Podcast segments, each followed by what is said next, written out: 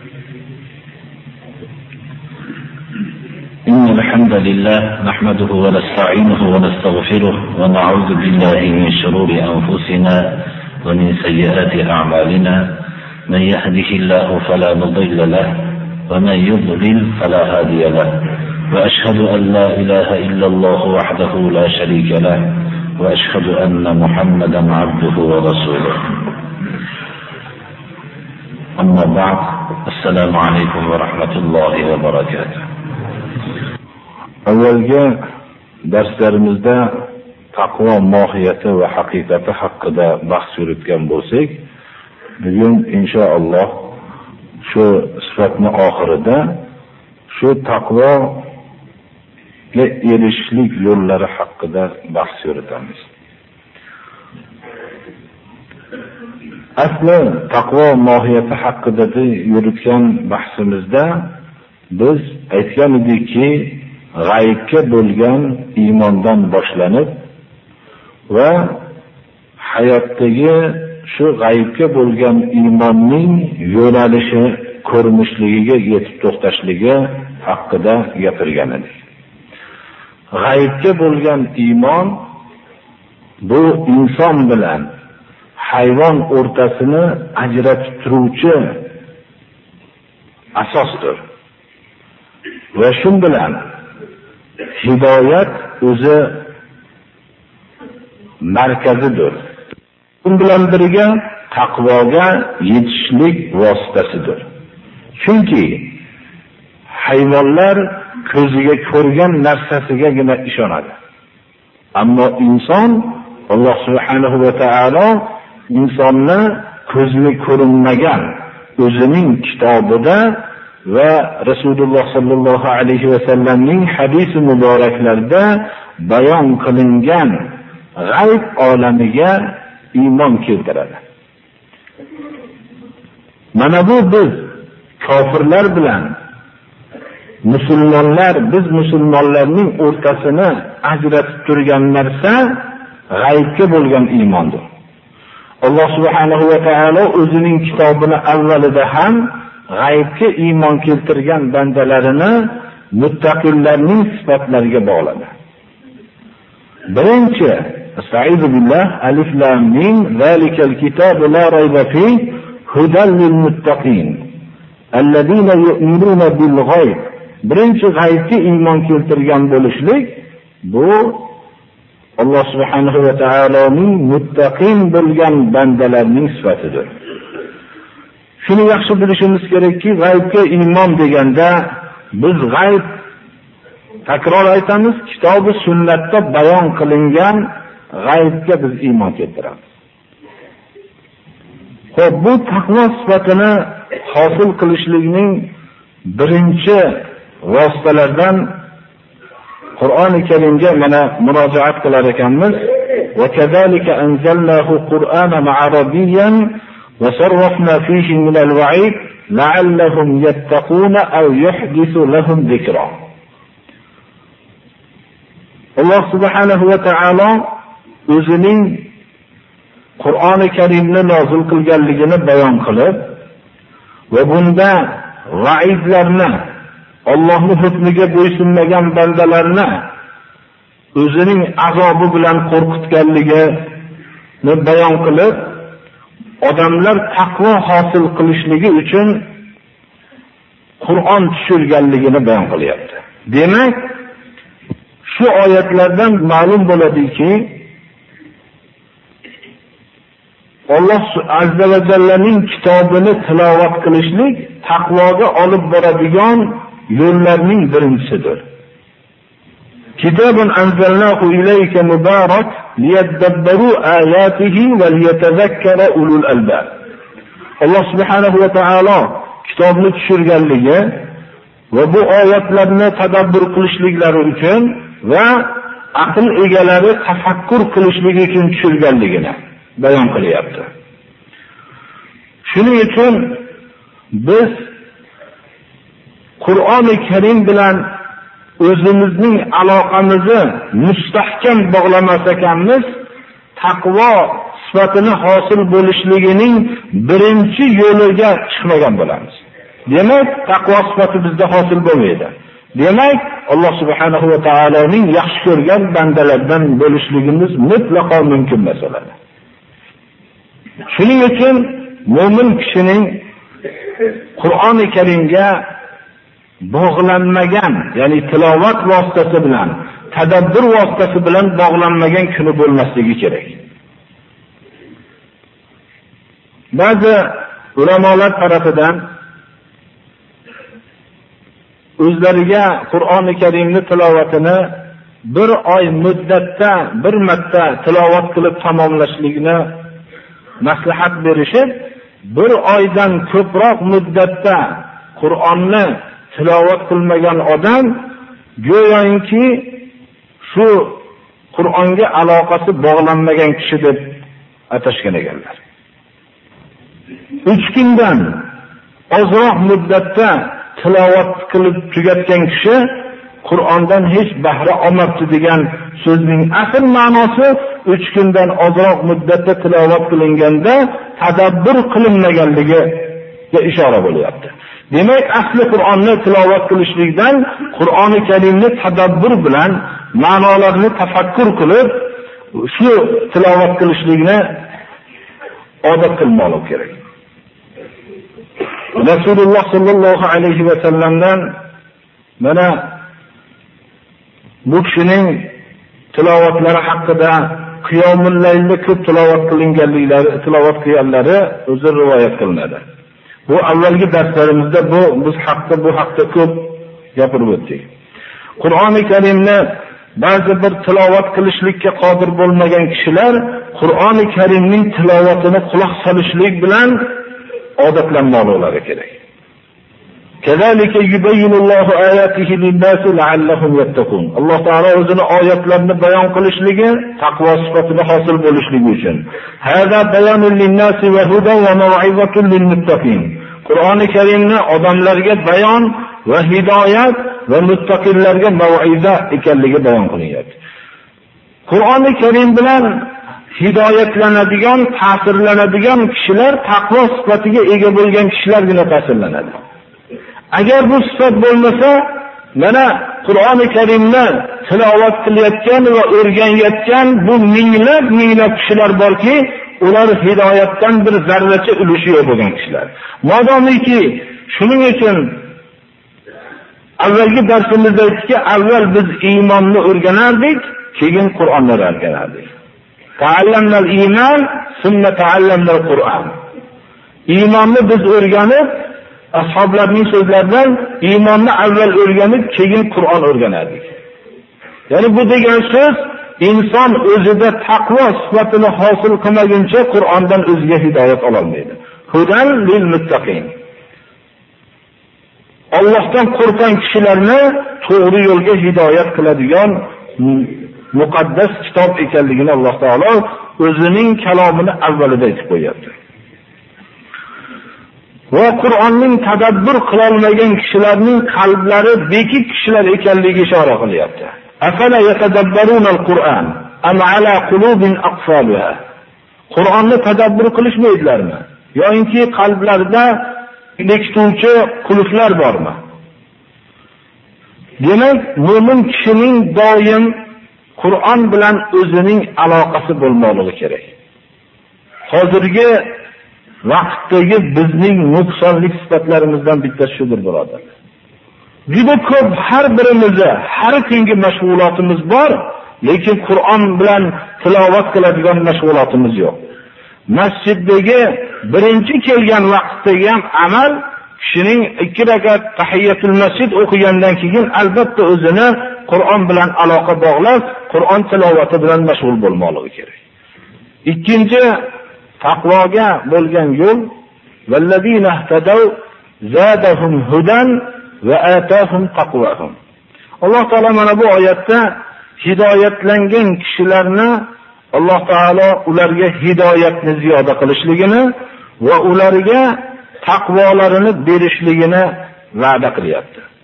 Demak, taqvoga bo'lgan yo'l birinchi hidoyat yo'li. Hidoyatni inson hosil qilishligi vallazina jahadu fina lanahdiyannahum subulana. Allohning yo'lida mujohada qilishlik bilan, o'zini shu yo'lga muqayyat qilishlik bilan, o'zini shu yo'lga qanday qilsa Allohning buyrug'ini qilish, Alloh qaytargan narsadan qaytishlik, mana bu narsada o'zi harakat qilishlik natijasida Alloh subhanahu va taolo unga hidoyat bag'ishlaydi. Vallazina jahadu fina lanahdiyannahum subulana. Albatta insonga hidoyat yo'liga yo'llab qo'yishligini Alloh taolo va'da qilyapti. Demak, bu bilan inson o'zini din yo'lida islomni olib kelgan buyruqlarini qilishlik yo'lida mujohada hayotiga kirmoqlik kerak. Bu hayot bilan hidoyat unga nasib bo'ladi. Hidoyat nasib bo'lgandan keyin vallazina ihtadaw zadahum hudan va atahum taqvahum. Hidoyatlangan kishilarga Alloh taolo hidoyatni ziyoda qiladi va ularga taqvosini beradi. Taqvoning hosil bo'lishligi demak asosi Alloh yo'lida mujohada qilishlik bilan, harakat qilishlik bilan hosil bo'ladi. Mujohada Mujohada nima? Allohning kitobida bayon qilingan, Rasululloh sallallohu alayhi vasallamning sunnatlarida bayon qilingan hukmlarni bilish. Bu ma'rifat hosil bo'lmasdan turib, inson mujohada qila olmaydi. mujohada qilayotganlar ko'p dunyoda. Yahudlar, Nasorolar hammasi mujohada qilyapti. Shunday ruhbonlar borki, o'zining hayotida tamomiy mujohada bilan o'tayotgan. Lekin ularning mujohadalari o'zlari tarafidan to'qib olgan rahboniyatda mujohada qilishadi. Shunday ruhbonlar borki, hayoti bo'yicha yuvinmaslikka harakat qiladi. Shunday ruhbonlar borki, turmush qilmaslikka mujohada qiladi. Shunday ruhbonlar borki, tamomiy ustuvoshini o'zgartirmaslikka shunday mujohada qiladiganlar bor. Shuning uchun bizni ko'zimizga ba'zi bir amallarda qattiq amal qilayotgan odamlar bizni aldab qo'ymasligi kerak. Biz uni avvalo mujohada qilayotgan narsasi nima ekanligini bilmoqligimiz kerak. Agar kitobi sunnatda bor bo'lgan narsa bo'lsa, uning mujohadasi o'zining harakat va shunga muqayyat qilishlikka bo'lgan harakati e'tiborli bo'ladi. Agar Rasululloh sallallohu alayhi vasallam olib kelgan yo'ldan boshqa yo'lda mujohada qilayotgan bo'lsa, u Rasululloh sallallohu alayhi vasallam mendan emas degan kishilardan deb bilmoqligimiz kerak. Agarchi kechasi-yu kunduzi mujohada qilayotgan bo'lsa. Mana bu narsa hozirgi vaqtdagi musulmonlar aldanib qolayotgan narsadir, birodarlar. Payg'ambarimiz sollallohu alayhi vasallam aytdilarki, "Faman rog'iba an sunnati falaysa minni" dedilar. Meni sunnatim yo'limdan yuz o'girgan kishi mendan emas dedilar. O'rtacha musulmon yo boshqa demadilar, mendan emas bu dedilar. Bu hadis shariflarni aytgan kishilar ibodat qilmaymiz degan kishilarga aytgan emas edilar. yoyinki doim uylanib umrimni ayolim bilan o'tkazaman degan kishilarga aytmoqdilar. Yo'inki mutlaqo men roza tutmayman degan kishilarga aytmoqdilar. Uch kishi keldilarda Oysha roziyallohu anhoga payg'ambarimiz sollallohu alayhi vasallamning amallari haqida savol qilishgan edilar. U kishi Oysha Siddiqa roziyallohu anha xabar berganlarda bular ozroq bir amal qilishyapti ekan deb payg'ambarimiz sollallohu alayhi vasallamning amallarini ozroq sezdilar. Va aytdilarki, "Ey u kishini gunohlari kechirilgan zot amalni ozroq qilsalar bo'laveradi" degan xulosaga kelishdilar. Va o'zlarining sifatlarini bittalari kechasi uxlamayman dedilar. Ikkinchilari umrbod turmush qilmayman dedilar. Uchinchilari tamomiy men umrim bo'yicha roza tutib o'taman dedilar. Payg'ambarimiz sollallohu alayhi vasallam kelib aytdilarki, men turmush qilaman dedilar. Men roza ham tutaman, nafr rozalarni tutaman ham, ba'zi kunlarda tutmayman ham dedilar. Va ro'za va turmush qilishlik haqida kechqurun uxlayman ham va ibodat ham qilaman dedilar. Bu meni yo'lim dedilar. Shu yo'limdan bosh tortgan kishilar mendan emas dedilar. Demak, bir kishi hidoyat hosil qilishlik uchun o'zining kitobi sunnat ko'rsatmasida bo'lmagan narsa bilan qilgan harakati u hidoyatga emas, Rasululloh sollallohu alayhi vasallamning yo'llaridan chiqib ketishlikka sabab bo'ladi. Mana bu narsani biz yaxshi anglashimiz kerak. Bizning ko'zimizga johil so'pilar bizni aldab qo'ymasligi kerak.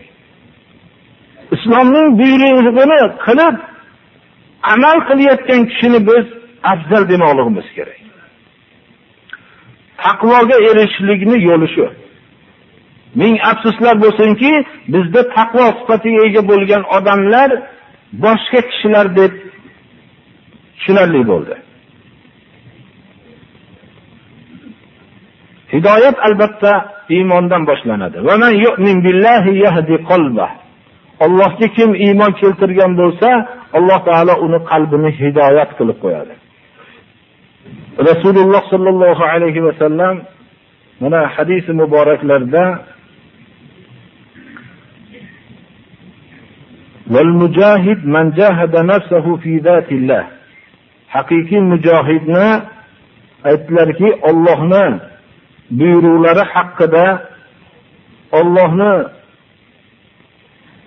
buyurgan narsasini qilish va qaytargan narsasidan qaytishlik shu haqda o'zi bilan mujohada qilib kurashgan odam haqiqiy mujohid dedilar. Hatto Alloh subhanahu va taolo mana va amma man khafa maqama robbih va naha an-nafsa 'anil hawa fa innal jannata hiya al-ma'wa. O'zini Rabbini ro'barusida turishlikdan qo'rqib, biror bir gunoh ish qilinayotgan soatda Rabb taoloning huzurida javob berishlikdan qo'rqib, nafsini o'z yomonlikdan havodan tiysa, uning jannat haqiqiy joyi bo'ladi deb Alloh taolo buni surai mana Van-Naziat surasida shuni bayon qilgan.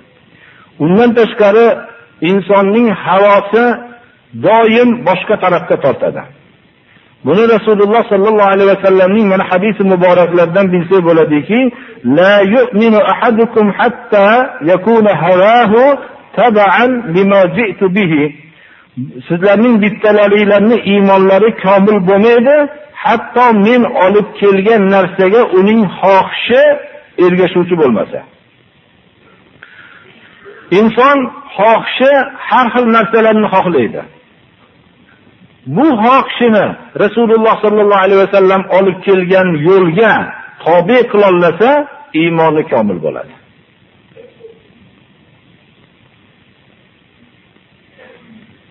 Taqvo sifatini hosil qilishlikdagi mujohadalarning yana bittasi inson nafl ibodatlar bilan ham odatlanishligi kerak. Lekin nafl ibodatlar o'zining xohishi bilan bo'lmasligi kerak. Rasululloh sollallohu alayhi va sallamning hayotlarida qilgan farzdan tashqari nafl ibodatlari bor. Mana shu nafl ibodatlarni o'ziga muqayyat qilishlik bilan bo'lmoqligi kerak. Agar bir kishi payg'ambarimiz sollallohu alayhi va sallamga uxlashda ergashmoqchi bo'lsa, marhamat u kishini qanday uxlaganliklari bayon qilingan. Payg'ambarimiz sollallohu alayhi vasallamga yurishda men o'zimni o'xshataman desa, siyar kitoblarida hammasida mufassal bayon qilingan. Hayotini qaysi qismida payg'ambarimiz sollallohu alayhi vasallamda yashamoqchi bo'lgan kishi hamma holatlarni topishligi mumkin bo'ladi. Shuning uchun nafl ibodatlar o'zining tarafidan o'ylab chiqilmasligi kerak. Payg'ambarimiz sollallohu alayhi vasallam mana hadisi qudusiyda rivoyat qilib olib keladilarki, "Va ma taqarraba ilayya 'abdi bi shay'in mimma aftarastuhu alayh." Ma yazalu 'abdi yataqarrabu ilayya hatta. Imom Buxoriy rivoyatlarida keltirilgan. Menga deydi Alloh taolo bandan men farz qilgan narsadan suyumliroq narsa bilan qurbat hosil qilmadi. Ya'ni farz Alloh buyurgan farzni qilishlik bilan Allohga eng yaqin bo'linadi. va bandam deydi alloh taolo menga nafl ibodatlar bilan qurbat hosil qilaveradi hatto men uni yaxshi ko'rib qolaman deydi demak nafliki rasululloh sollallohu alayhi va sallam tarafidan rivoyat qilingan asosda bo'lgan nafl ibodatlar bu narsalar bizni qurbatimiz allohga qurbat hosil qilishligimizga sabab bo'ladi payg'ambarimiz sollallohu alayhi vasallamdan rivoyat qilingan nafl ibodatlar inshaalloh o'zini o'rnida keltiramiz. O'qigan namozlari va hamda tutgan ro'zalari va o'zlarining ma'sur duolari qaysi o'rinda qaysi duolarni o'qiganlar mana bu haqda avvalgi darslarimizda aytib o'tgan. Shu ma'sur bo'lgan duolarni o'zigagina muqayyat bo'lib yashashlik alloh subhanahu va taologa qurbat hosil qilishlikka sabab bo'ladi. Taqvo sifatini hosil qilishlikka uchinchi yo'l ro'zadir. Alloh subhanahu va taolo ro'zani farz qilishlikka dalolat qiluvchi oyatda ya ayyuhallazina amanu kutiba alaykumus siyamu kama kutiba alal ladina min qablikum la'allakum tattaqun. Taqvo hosil qilishligingiz uchun ro'za ramazon sharifdagi ro'za tutishlikni farz qilindi deyapti. Demak taqvo hosil qilishlik bu ro'za uchinchi vositalardandir. Chunki taqvo o'zi jannat yo'lidir. Jannat mana hadis shariflarda insonga nafsi xohlamaydigan narsalar bilan o'rab qo'yilgandir. Do'zax nafs xohlaydigan narsalar bilan o'rab qo'yilgandir. Ro'za mana bu bizda shu xohishni bizga hukmron bo'lishligiga qarshi g'olib bo'lishligimizga sabab bo'ladigan ibodatlardandir. Inson ro'za tutolmagan inson o'zini eng dunyodagi havosi bo'lgan yemoq va jinsiy lazzat mana bu narsadan o'zini ma'lum bir miqdor tiya oladi. Insonlar yemoq yo'lida qul bo'lib qoladi. Agar shu nafsi yeydi nafsiga qul bo'ladigan bo'lsa jinsiy lazzati bilan. Insonlar komil insonlar ham shunga qul bo'lish natijasida juda katta jinoyatlarni sodir bo'ladi. Mana bu narsaning insonga g'olib bo'lishligi insonni eng past martabaga tushirib tashlaydi. Ramazoni sharifda ro'za tutib odatlangan kishi mana bu jinsiy lazzat va yemoq taom lazzatiga g'olib bo'lishlik malakasiga ega bo'ladi. Shu bilan u albatta o'zini bu haqqa qul bo'lmaslikka o'zida bir malaka hosil qiladi. Ana bu narsa insondagi bir taqvoki ramazoni sharifda ro'za tutolmagan kishi bu taqvo sifatiga hosil bo'ladigan yo'lga chiqqan bo'ladi. Sahih hadislarda nar shaharat va jannatu bil makarih. كل عمل ابن آدم يضاعف الحسنة بعشر أمثالها إلى سبعمائة ضعف قال الله تعالى إلا الصوم فإنه لي وأنا أجزي به يدع شهوته وطعامه من أجلي do'zax shirinlik nafs xohlaydigan narsalar bilan o'rab qo'yilgan jannat bo'lsa nafsga yoqimsiz bo'lgan narsalar bilan o'rab qo'yilgan inson avlodining har bir amali hasanotlari 10 barobardan yetti yuz barobargacha ko'paytiriladi. Alloh taolo aytyaptiki ro'za unday emas. Ro'zani ya'ni bu men uchun deydi alloh taolo buni mukofotini men beraman deydi. U o'zining jinsiy shahvatini va taomini meni rizoyim uchun men uchun tashlaydi deydi. Shuning uchun buni mukofotini men beraman deydi. Inson namoz o'qish vaqtida namoz o'qimaganlar bilan namoz o'qiganlar ajralsa namozda ko'p odam bir bo'lib yurgan bo'lsa ramazoni sharifda yana ham iymoni mahkamroq kishilar ajraladi.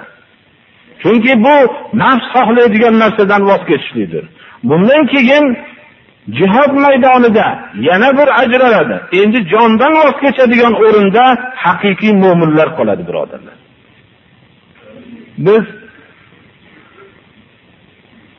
ramazoni sharifga yaqin kelib kelyapmiz payg'ambarimiz sollallohu alayhi vasallamning bu ramazon haqidagi aytgan odatlaridan إذا كان يوم صوم أحدكم فلا يرفث ولا يسخط فإن سابه أحد أو قاتله فليقل إني صائم sizlarni bittalaringlarga ramazon oyi nasib bo'lib yaqinlashsa yo shu oyga kirib kelsa unaqa fahsh so'zlarni gapirmasin shovqin so'ron qilmasin mabodo birov u bilan so'kishmoqchi bo'lsa yo qattiq bir urushmoqchi bo'lsa men birodar uzrim bor deb ro'zadorman desin من لم يدع قول الزور والعمل به فليس لله حاجة في أن يدع طعامه وشرابه kim yolg'on so'zidan voz kechmasa yolg'onga amal qilishligidan voz kechmasa Allohning hojati yo'q uni yemoq va ichmog'idan voz kechib yurishligida demak u ramazoni sharifda taqvo hosil qilmayapti rasululloh sollallohu alayhi vasallamning ala va shahadatu zur yolg'on so'z yolg'on guvohlik berish degan so'zinidan voz kechishlik qattiq aytgan gunohi kabiralardan degandan saqlanmagandan keyin taqvo sifati hosil bo'lmayotgandan keyin uning yemoq va ichmoqdan voz kechib yurishligida hech qanday bir manfaat qolmaydi. Alloh subhanahu va taoloning hojati yo'q unga. Payg'ambarimiz sollallohu alayhi vasallam bizlarga ramazoni sharifda qur'onning tilovatini tuzib berdilar. Ya'ni bu kishi ko'p qur'on tilovati bilan o'zlari qiyomullaylda bo'ldilar. Farz bo'lib qolishligidan qo'rqib jamoat bilan o'qimadilar. Undan tashqari ollohni yo'lida infoq molini sarf qilishlikni buni mashru qildilar. Rasululloh sollallohu alayhi vasallam bu alohida qiyomul laylni mashru qildilar. Shuning uchun va oxirgi 10 kunlikda o'zlari e'tikof o'tirdilar. Vafot qiladigan yillarida bo'lsa yigirma kun e'tikof o'tirdilar birodarlar. Mana bu narsa bu payg'ambarimiz sollallohu alayhi vasallamning qilgan amallariga muqayyat bo'lib shu mujohada qilish taqvo sifatini hosil qilishlikdir nafl ro'zalarga to'xtab o'tsak eng nafl ro'zalarning afzallari payg'ambarimiz sollallohu alayhi vasallam dushanba va payshanba kunlari ro'za tutardilar. Har oydan ayyomi biz oydin kechalarda o'n uch o'n to'rt o'n beshinchi kunlarda ro'za tutardilar. Shavvol oyining 6 kunida ro'za tutib bir yilga barobar bo'ladi derdilar. Arafa kunida ro'za tutardilar Ashura kunida ro'za tutardilar va Ashuradan bir kun ilgari yoyinki bir kun keyinni ham ro'za tutardilar. xullas mana bu rasululloh sollallohu alayhi vasallamning nafr ro'zalari haqidagi rivoyat qilingan narsalar shu tushunarli bo'lgandir mana ibodat qilishlik ollohni tanishlik bilan ibodat qilishlik bu taqvo sifatiga olib boradigan yo'llarning to'rtinchisidir يا أيها الناس اعبدوا ربكم الذي خلقكم والذين من قبلكم لعلكم تتقون inson Qayerdan biz bu oyatdan ibodatni chiqaryapmiz? Ya ayyuhannasu U'budu robbakumul-lazi xalaqakum vallazina min qablikum.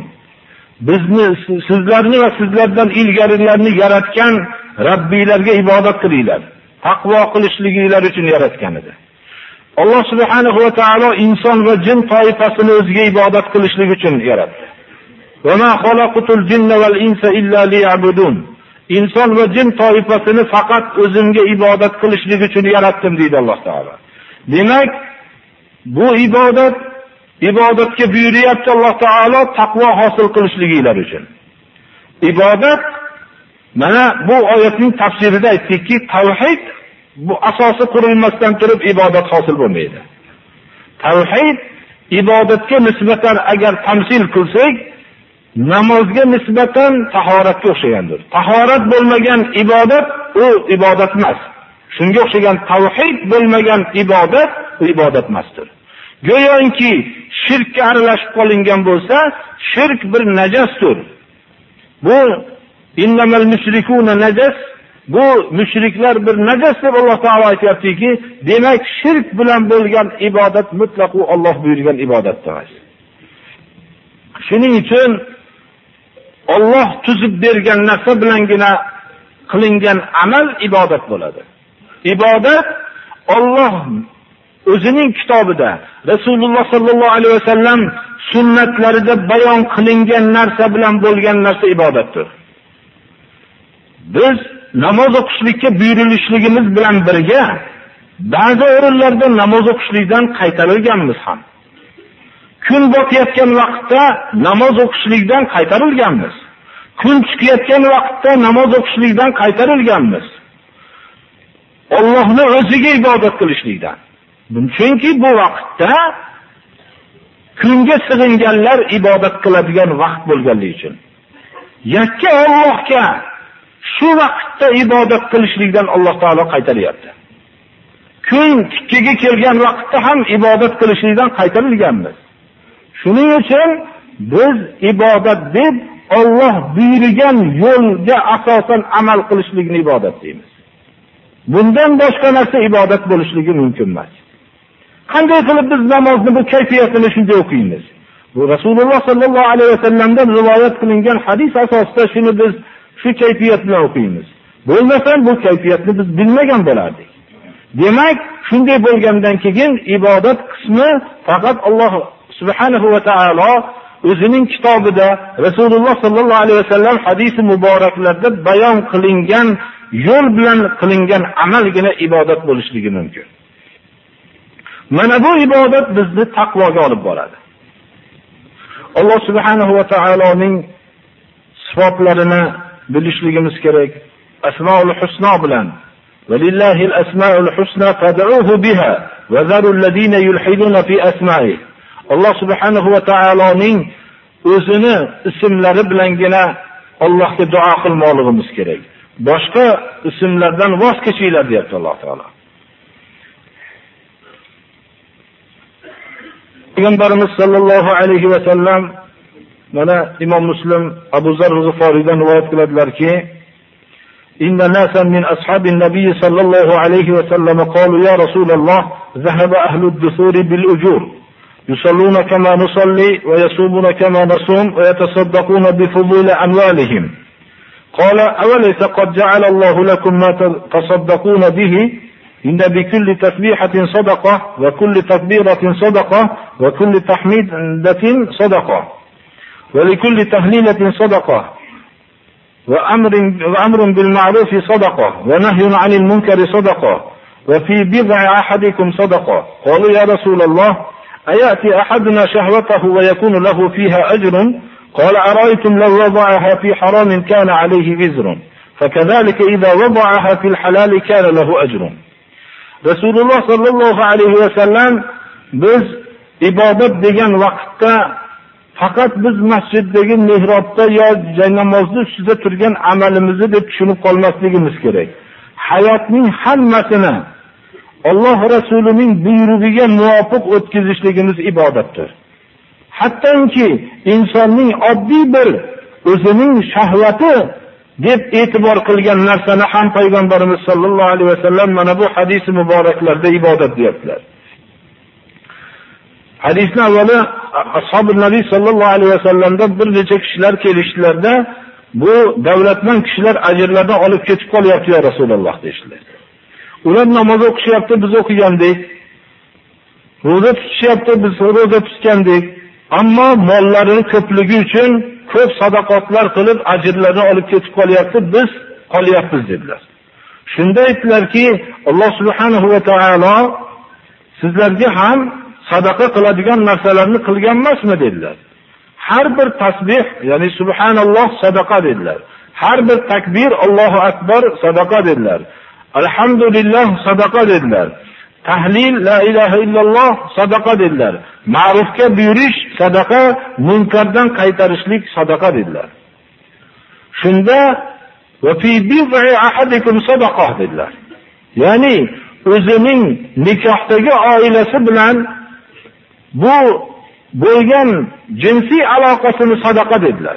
Shunda ashoblar ajablanib so'radilarki "Ya rasululloh bizlarning bittamiz o'zining shahvati ya'ni shu bilan maqsadini hosil qilsa ham sadaqa ajr bo'ladimi deganlarda aytdilarki agar shu narsani haromga sarf qilsa gunoh bo'larmidi dedilar. Gunoh bo'lardi. Halolga qo'yganligi uchun ajr bo'ladi dedilar. Sadaqat insonning hayot biz oxirgi martabasini aytib qo'yyapmizki hayotdagi hamma amalni inson aqlli mo'min kishi sadaqat o'ziga yaxshilik ajr ibodat qilib olishi mumkin. Bizi islomda la rohboniyata fil islom islomda bu rahbaniyat tarki dunyo qilib tog'i toshga chiqib ketish yo'q. Islomda har bir amalni kitobi sunnatga muvofiq qilishlik islomdir. Rasululloh sallallohu alayhi va sallam ko'rsatmasidan ortiq amal qilgan odam ya'ni ko'rsatmalaridan tashqariga chiqib ketgan odam payg'ambarimiz yo'lida emas. Har qanday ko'rinishi yaxshi bo'lsa ham. Mana bu biz islomning shu ma'nosini bilishga muhtojmiz birodarlar. Din dushmanlari bizni dindan chiqarishlikka dinimizga qarshi bo'lib chiqarolmaydi birodarlar.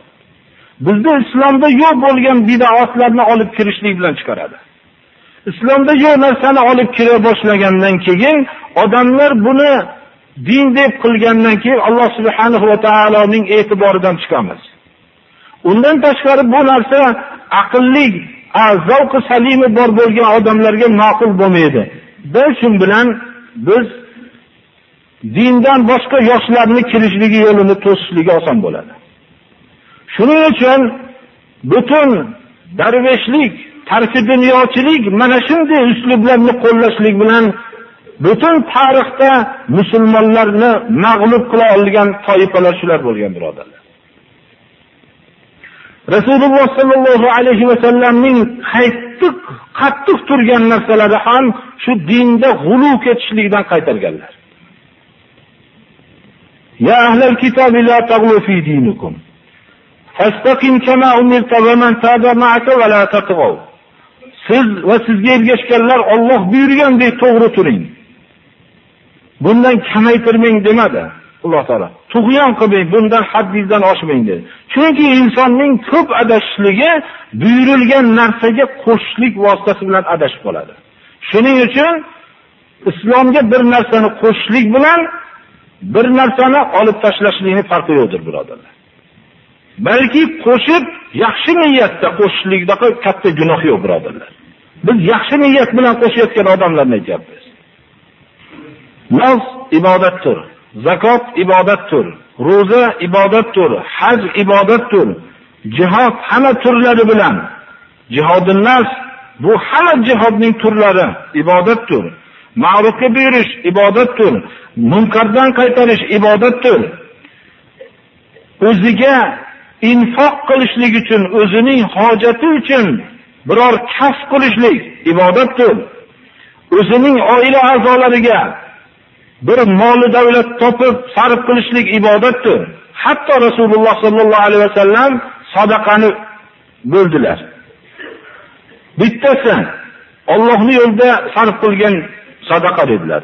Ikkinchisi miskinga sarf qilgan sadaqot dedilar. Uchinchisi o'zining ahliga sarf qilgan sadaqa dedilar. Va allazi a'zamuha ajran bu eng ajri ko'p bo'lgani o'zini ahliga sarf qilgan sadaqa dedilar. Nima uchun?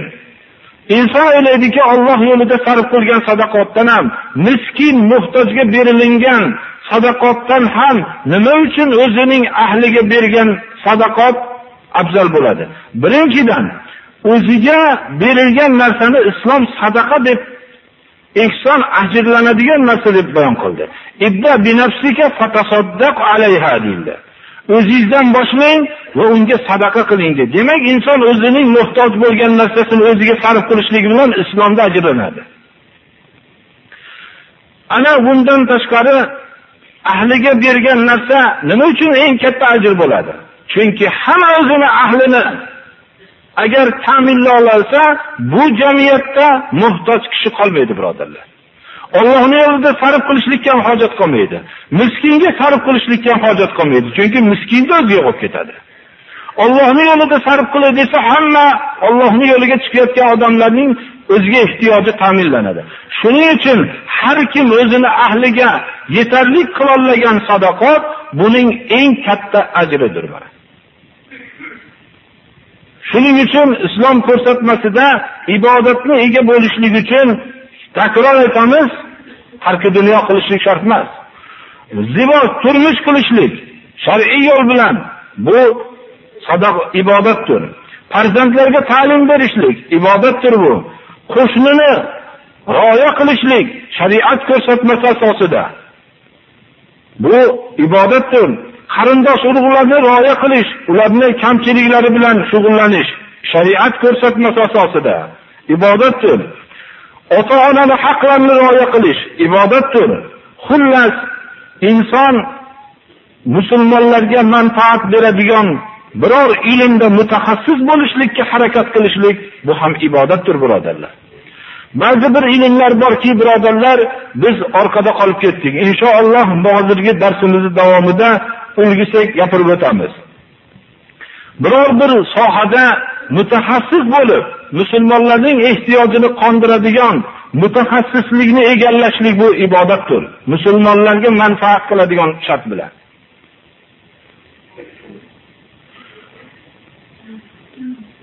الأرملة والمسكين كالمجاهد في سبيل الله وأحسبه قال وكالقائم لا يفطر وكالصائم لا يفطر imom buxoriy imom muslimda rivoyat qilingan tul ayollarga va miskinlarning ehtiyojida chopib harakat qilib yurgan odam Allohning yo'lida jihod qilib yurgan odamga o'xshaydi. Roviy aytadilarki gumon qilamanki rasululloh sallallohu alayhi vasallamning aytganliklarini tushaymasdan kechasi bedor bo'lib ibodat qilayotgan kishini savobiga oladi. Yo'inki iftor qilmasdan ro'za tutib yurgan kishining savobini oladi dedilar. Sakkizinchi sifat alloh subhanahu va taolo yaxshi ko'radigan sifatlardan biz yettinchi sifatimiz taqvo sifati edi. Bu yerda uzoq to'xtab o'tdik. Sakkizinchisi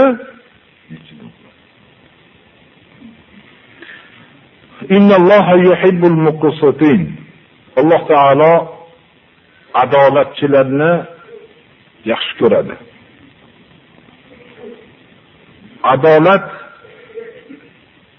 birinchi bu oyat o'zi kelgan o'rni سماعون للكذب أكالون للسحت فإن جاءوك فاحكم بينهم أو أعرض عنهم وإن تعرض عنهم فلن يضروك شيئا وإن حكمت فاحكم بينهم بالقسط إن الله يحب المقسطين hukmdagi adolatni alloh taolo shu oyatda hukmda adolat qilishlikni buyuryapti. Hatto islomning ashaddiy dushmanlari bo'lgan yahudlarga nisbatan ham.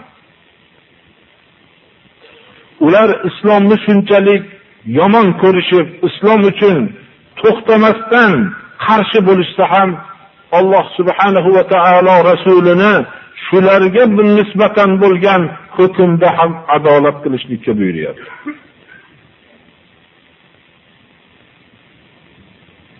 Haqiqatda bu hayotda amalda bo'ldi birodarlar.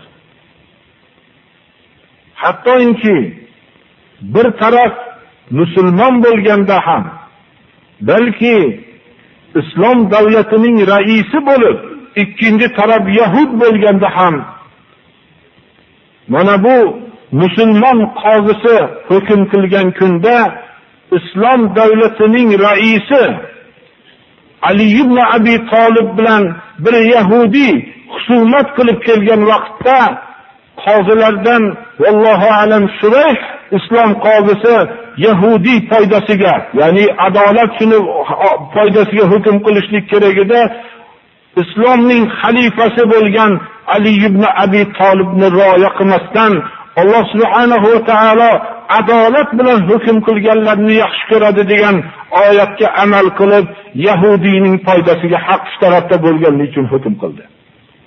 Bu agar tarixda bo'lgan voqea bo'lmaganda kishilar ishonmagan bo'lardi. Tarix buni biror bir yo'l takrorlagan emas birodarlar. Keyingi davrlarda bu adolat bilan hukm qilishlik bo'lmagan bo'lsa u islomni aybi emas. U islomga amal qilmagan musulmonlarning aybidir?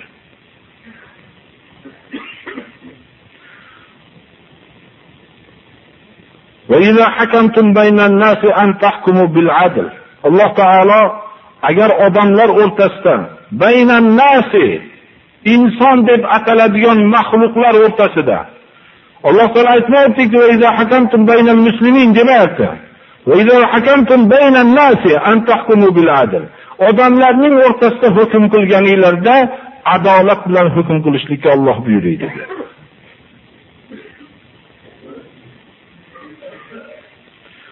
يا أيها الذين آمنوا كونوا قوامين بالقسط شهداء لله ولو على أنفسكم أو الوالدين والأقربين إن يكن غنيا أو فقيرا فالله أولى بهما ey iymon keltirgan kishilar adolatni barpo qiluvchi bo'linglar.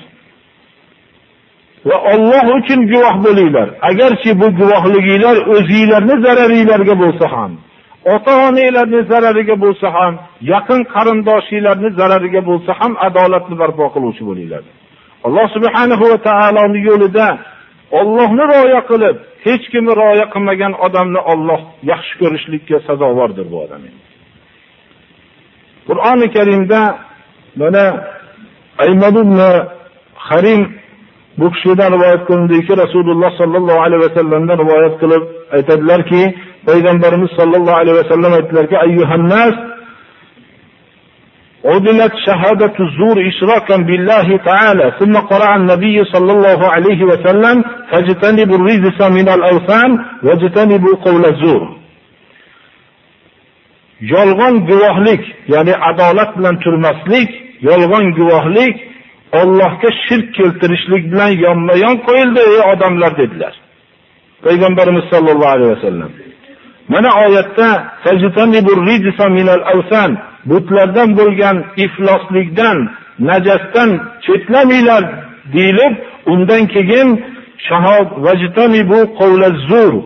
yolg'on so'zdan yolg'on guvohlikdan payg'ambarimiz sollallohu alayhi vasallamning tafsirlari bilan mana yolg'on guvohlikdan panoh chetlaninglar deb yonma yon zikr qilindi.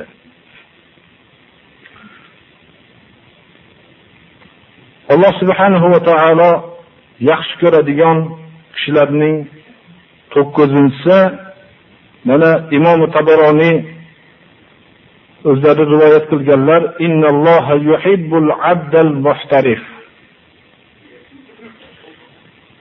kasblik bandani Alloh taolo yaxshi ko'radi.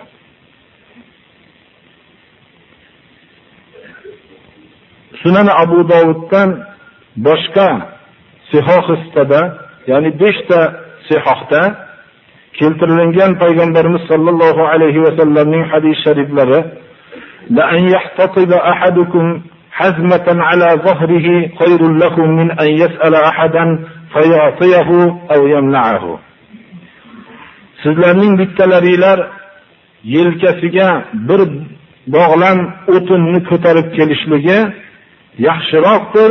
Birovdan bir narsa so'rashligidan yo beradi ho bersin ho bermasin. Umar roziyallohu anhu biror bir kishi uning amali ajablantirsa u kishi haqida boshqalardan so'rar ekanlar yo o'zidan kasbi bormi der ekanlar. Agar yo'q deyilsa e'tiborga olmay qo'yar ekanlar. Mana bu narsa musulmon kishining biror bir kasb egasi bo'lishligini qanday bo'lishligidan qat'iy nazar shariatga zid bo'lmaydigan bo'lsin faqat. Bir oddiymi kattami bir kasb egasi bo'lishligi Allohning muhabbatiga sazovor qiladi uni. Amal hozirgi bizning musulmonlarda yo'qolib borayotgan narsadir birodarlar. Bizlarning kasbdagi mutaxassislik yo'qolib boryapti. Bu mustamlakachilik siyosati bu odamlarni hammasini mutaxassis bo'lishlikdan chetda qo'ygan. Tekshirib qarasangiz musulmon birodarlar hammasi yo qo'y boqishni bilishadilar yoyinki quruvchilikni bilishadilar yoyinki shu oddiy bir narsani bilishadilar. Bundan ham oddiy narsalarni bilishadilar. Kosibchilik boshqa narsa yo'q. Ba'zi bir hunarmandchilikdagi mutaxassislikni egallashlik ularga bir qandaydir begona narsaga aylanib ketgan. Lekin islom tarixi kelajak islomning ta'siri ostida alloh taolo kasblik bandani yaxshi ko'radi degan hadis sharif bu hamma musulmonlarni har xil sohalarda mutaxassislikni egallashligiga sabab bo'lgan edi. Shuning uchun hozirgi musulmonlar juda ko'p narsada orqada qolib qolganligimiz siri ham mana bu hadis sharifga amal qilmaslikdir birodarlar. Hozirgi vaqtdagi musulmon kishilarning hammalari iqtisodiy bir tanglikka duchor bo'lishligi natijasida darrov shu narsa savdo orqali tiriklik qilib qo'yishlik oson deb tanlashadilarda juda ham katta qobiliyat egasi bo'lgan odamlar shu qobiliyatlarini ishlatmasdan hayotdan o'tib ketib qolyaptilar. Shuning uchun yoshlardagi shunaqa mutaxassislikni egallashlikka biz o'zimiz targ'ib qilishligimiz kerak. Musulmonlar birovga qaram bo'lmagan holatda har bir narsani egallaydigan bo'lmoqlari kerak. Agar shu mutaxassislikni egallansa hech qanday birovga qaram bo'lmasdan yasholashliklari mumkin. Axiran shu narsani aytib o'tmoqligimiz kerak. Vallohu yuhibbus sobirin innalloha yuhibbul mutawakkilin.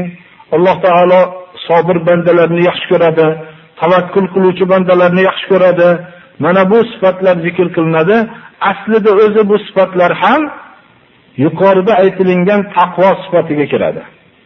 Birinchi shahvatlardan sabr qilolmaslik bu taqvo sifatidir. Ibodatlar ustida sabr qilolmaslik bu taqvo sifatidir. Inson haq yo'lda sabr qilolmaslik bidat bid'atkor odamlarni orasida haq yo'lda mahkam turolmaslik bu ham bu sabr o'zi asli taqvo sifatidandir.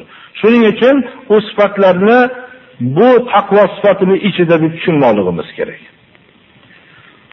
Alloh subhanahu va taolo yaxshi ko'radigan sifatlardan shu qisman bir mana bu sifatlarni bayon qildik.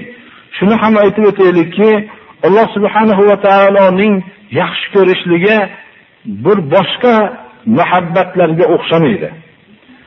U alloh subhanahu va taoloning jaloliga loyiq bo'ladigan sifatdir. Biz shuni bilamizki nafsda sobitki alloh taolo sobirlarni yaxshi ko'radi muttaqillarni yaxshi ko'radi. O'zining jaloliga o'zining zotiga loyiq bo'lgan surat bilan yaxshi ko'radi. Uning kayfiyati qandayligini biz bilmaymiz. Rasululloh sollallohu alayhi vasallamning mana bu kishi hadis qudusiyda keltirgan hadislari uning muhabbatining asarlari haqida فإذا أحببته كنت سمعه الذي يسمع به وبصره الذي يبصر به ويده التي يبطش بها ورجله التي يمشي عليها ولئن سألني لأعطينه وإن استعاذني لأعيذنه agar bandamni yaxshi ko'rsam deydi alloh taolo uning eshitadigan qulog'i bo'laman va ko'radigan ko'zi bo'laman va ushlaydigan qo'li bo'laman va yuradigan oyog'i bo'laman. Agar mendan so'rasa beraman agar panoh istasa uni saqlayman deydi. Alloh subhanahu va taoloning muhabbati o'zining jaloliga ulug'vorligiga loyiq bo'lgan sifatdir. Biz shu yerda shu narsani ham aytib o'tmoqligimiz kerakki muhabbat buni Allohni yaxshi ko'rolmagan kishilargina o'zining qalbidan his qiladi. Buning darajatlari o'zining muhabbatiga muvofiq bo'ladi. Allohning muhabbati bizdan Alloh yaxshi ko'rgan kishilarni yaxshi ko'rishligimizni talab qiladi. Undan tashqari Rasululloh sollallohu alayhi va sallam olib kelgan yo'lni yaxshi ko'rmoqligimiz kerak. Va iymonimizni komil bo'lmaydi dedilar. Agar Rasuli Muhammad alayhisalomni biz hamma narsadan yaxshi ko'rmasak. Chunki Alloh subhanahu va taolo Muhammad alayhisalomni hamma olamdan ortiq qildi. Demak, Allohni yaxshi ko'rishligimizni talabi Muhammad alayhisalomni biz yaxshi ko'rmoqligimiz kerak. O'zimizni muhabbatimizdan, farzandlar, ota-ona, odamlarni hammasini muhabbatidan payg'ambarimiz sollallohu alayhi vasallamni afzal ko'rib muhabbat qilmoqligimiz kerak. لا يؤمن أحدكم حتى أكون, أكون أحب إليه من والده وولده والناس أجمعين sizlarni bittalaringlar iymon keltirgan bo'lmaydi hatto men dedilar rasululloh sollallohu alayhi vasallam otasidan farzandidan tamomiy odamlardan suyumli bo'lmasam dedilar shuning uchun payg'ambarimiz sollallohu alayhi vasallamning hadisi muboraklarida وجعل حبك أحب إلينا من الماء البارد على الظمأ chanqab turgan holatda bu arab xalqlarini sahroda bir chanqashligiga biz duchor bo'lganimiz yo'q birodarlar shunday payg'ambarimiz sollallohu alayhi vasallam shu chanqab turib muzdek suvni yaxshi ko'rgan chanqagan odamdan ham ko'ra o'zingni muhabbatingni menga bizlarga suyumliroq qilgin deb duo qiladilar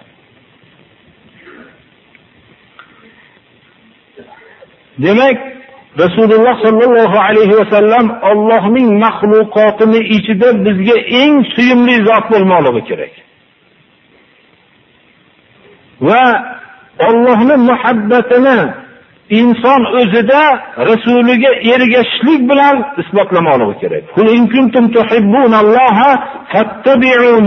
Qul in va yaghfir lakum zunubakum vallohu g'afurur rahim. Juda daqiq bir o'lchovni tarozini qo'yib qo'ydi Alloh taolo. Agar Allohni yaxshi ko'raman deysa, ayting ularga menga ergashinglar deng. Rasuliga ergashishlik o'zining Allohni yaxshi ko'raman degan da'vosini sadoqatidir bu. Mana bu taroziga har kim o'zini solib ko'rishmoqligi kerak. Allohning payg'ambarlarini hammasini yaxshi ko'ramiz. Allohning kitob tushirgan payg'ambarlarni, kitob tushirmagan payg'ambarlarni hammasini yaxshi ko'ramiz. Chunki ular Alloh tarafidan bo'lgan omonatni bashariyatga yetkazishgan. Abu Bakr radhiyallohu anhu ni yaxshi ko'ramiz. Payg'ambarlardan keyin. Umar ibn Xattob, Usmon radhiyallohu anhu, Ali ibn Abi Talib bularni yaxshi ko'ramiz. shialarga o'xshagan bir toif bittasini yaxshi ko'rib, bittasini bunday surib tashlamaydi. Boshqa toifalar hammasi bittadan o'zlariga sahobalarning ichidan bittalarni yaxshi ko'rib tanlashib olgan, boshqalarini yomon ko'rishadi. Biz sahobalarning hammasini yaxshi ko'ramiz. Chunki sahobalar haqida Ko'p hadis shariflarda payg'ambarimiz sollallohu alayhi vasallam ogohlantirganlar. Law anfaqa ahadukum misla uhudin zahaban ma balagha mudda ahadihim aw nasifahu dedilar. Sizlarni bittalaringlar Uhud tog'icha oltinni Alloh yo'lida sarf qilsa, ularning bir mud, ya'ni bir kilo muddatda oltin sarf qilganicha barobar bo'lmaysiz dedilar. Yonki uni yarmichasiga barobar bo'lmaydi dedilar. Uhud tog'icha oltinni sarf qilsanglar, ashoblar sarf qilgan bir mil oltinchi barobar bo'lmaydi dedilar. jannat bilan bashorat berilingan o'nta sahobalar bo'lgan hayotlarida o'zlarining jannatga dohil bo'lishliklarini dunyodan eshitib ketishganlar Ularni biz yaxshi ko'ramiz chunki bunda nas vorid bo'lgan. Ahli badrlarni yaxshi ko'ramiz. Chunki ular moliyu jonini Allohning yo'lida bag'ishlashganlar. Va ulardan keyingi ahli uhudlarni yaxshi ko'ramiz. Va ulardan keyin bayatul rizvon rasululloh sollallohu alayhi va sallam bilan bayat qilgan kishilarni alohida yaxshi ko'ramiz. Tobeinlarni yaxshi ko'ramiz. Ularga ehson bilan tobe bo'lgan kishilarni yaxshi ko'ramiz. Chunki rasululloh sollallohu alayhi vasallam ogohlantirdilarki menga eng asrlarning yaxshisi meni asrim dedilar. Undan keyingi asr yaxshi dedilar va undan keyingi asr yaxshi dedilar. Bular tobiinlarga ergashganlar edi uchinchi so'zlari. Nas vorid bo'lgan bularning yaxshi ko'rishlikka bizning taqvimimiz mana bu kishilar bilan bo'lmoqligi kerak. Dinni dushmanlarini tarixini bilib dinni asosiy qurganlarni tarixini bilmaydigan bo'lib qolmasligimiz kerak. Bu payg'ambarimiz sollallohu alayhi vasallamning tug'ilgan kunlarini nishonlanib tamomiy yil bo'yi nishonlanib bunaqa qilishlik muhabbatni ifoda qilmaydi birodarlar. Alloh qur'onda aytmadiki agar Allohni yaxshi ko'rsanglar payg'ambarimiz sollallohu alayhi vasallamni yaxshi ko'rsanglar shu kishini tug'ilgan kunlarini nishonlanglar demadi payg'ambarimiz sollallohu alayhi vasallamni sahobalar o'zlaridan ham otalaridan ham yaxshi ko'rishadilar. biror sahoba yo biror tabiindan u kishining tug'ilgan kunlarini nishonlashlik bo'lgan emas birodarlar bu tug'ilgan kunni nishonlanishligini har kimin tug'ilgan kunini nishonlanishlik bu mustamlakachilik siyosatidir birodarlar. Chunki hammani tarixi ulug' odam ko'p o'tgan. Agar bir uch yuz oltmish olti kun bo'ladigan bo'lsa 366 kunda 10 ta odamni qo'ysangiz ham ko'payib ketadi. Bu odamlarning ishi hammasi tug'ilgan kunni nishonlanishib bo'ladi. Bu rasululloh sallallohu alayhi vasallamning man ahdatha fi amrina hadha ma laysa minhu fa huwa raddun deganlarini misoli shuki shariatda yo'q bo'lgan narsani agar vujudga keltirsangiz o'zi mardud bo'lib zalolat olib ketaveradi. Hammamiz tug'ilgan kunni nishonlayveradigan bo'lsak mana bu odamlarning keraksiz narsalar bilan ovora qilib tashlashlikdir bu. Alloh rasulini yaxshi ko'rgan kishilar Alloh rasulini buyrug'iga ergashsin. Bu narsa qiyin birodarlar.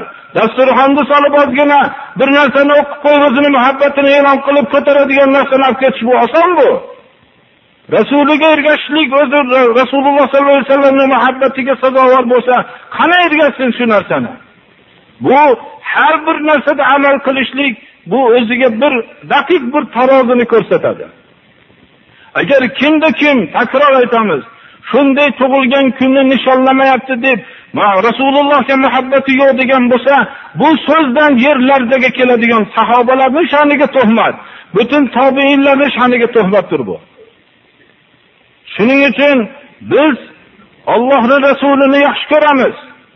Shunday bo'lmoqligimiz kerak. Otamizdan ham farzandlarimizdan ham yaxshi ko'rmoqligimiz kerak.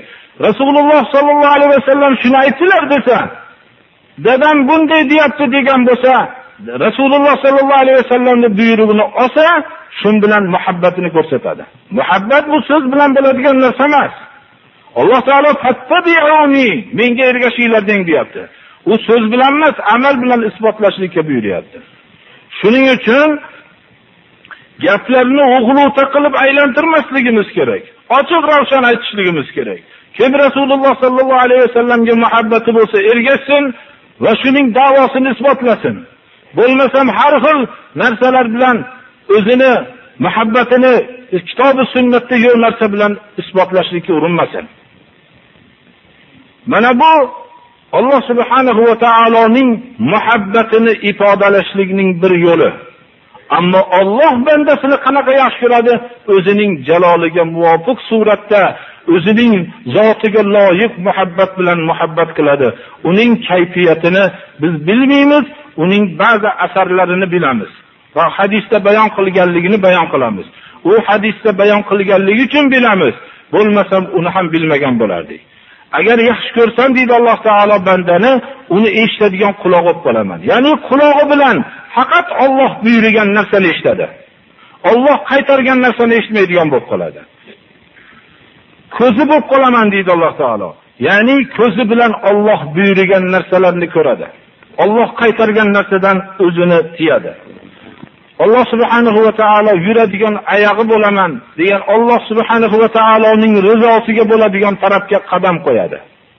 Alloh subhanahu va taoloning rizosi uchun qo'lini ishlatadi. Butun vujudi Allohning rizosi yo'lida bo'lib qoladi. Mana bu sezsinki shunday bo'lsa, kishi har bir harakatini Allohni roziligi uchun, Rasulining yo'liga muvofiq qilgan vaqtdan bilsinki, demak Allohning muhabbatini ba'zi belgilari menda ko'rinyapti deb Allohga hamd aytsin. Mana bu belgilaridir. Lekin o'zi yaxshi ko'rgan zot yaxshi ko'rishligini o'zi yaxshi biladi. To'qqizta sifatni bir qisman bayon qilingan bo'ldi. Alloh taolo shu sifatlarga muttasif qilsin. Alloh subhanahu va taolo shu sifatlarni biz ham egallab Alloh yaxshi ko'radigan bandalardan bo'lishlikka Alloh taolo hammamizga tavfiq bersin. Ihdinas siratal mustaqim siratal ladina an'amta alayhim ghayril maghdubi alayhim waladdallin.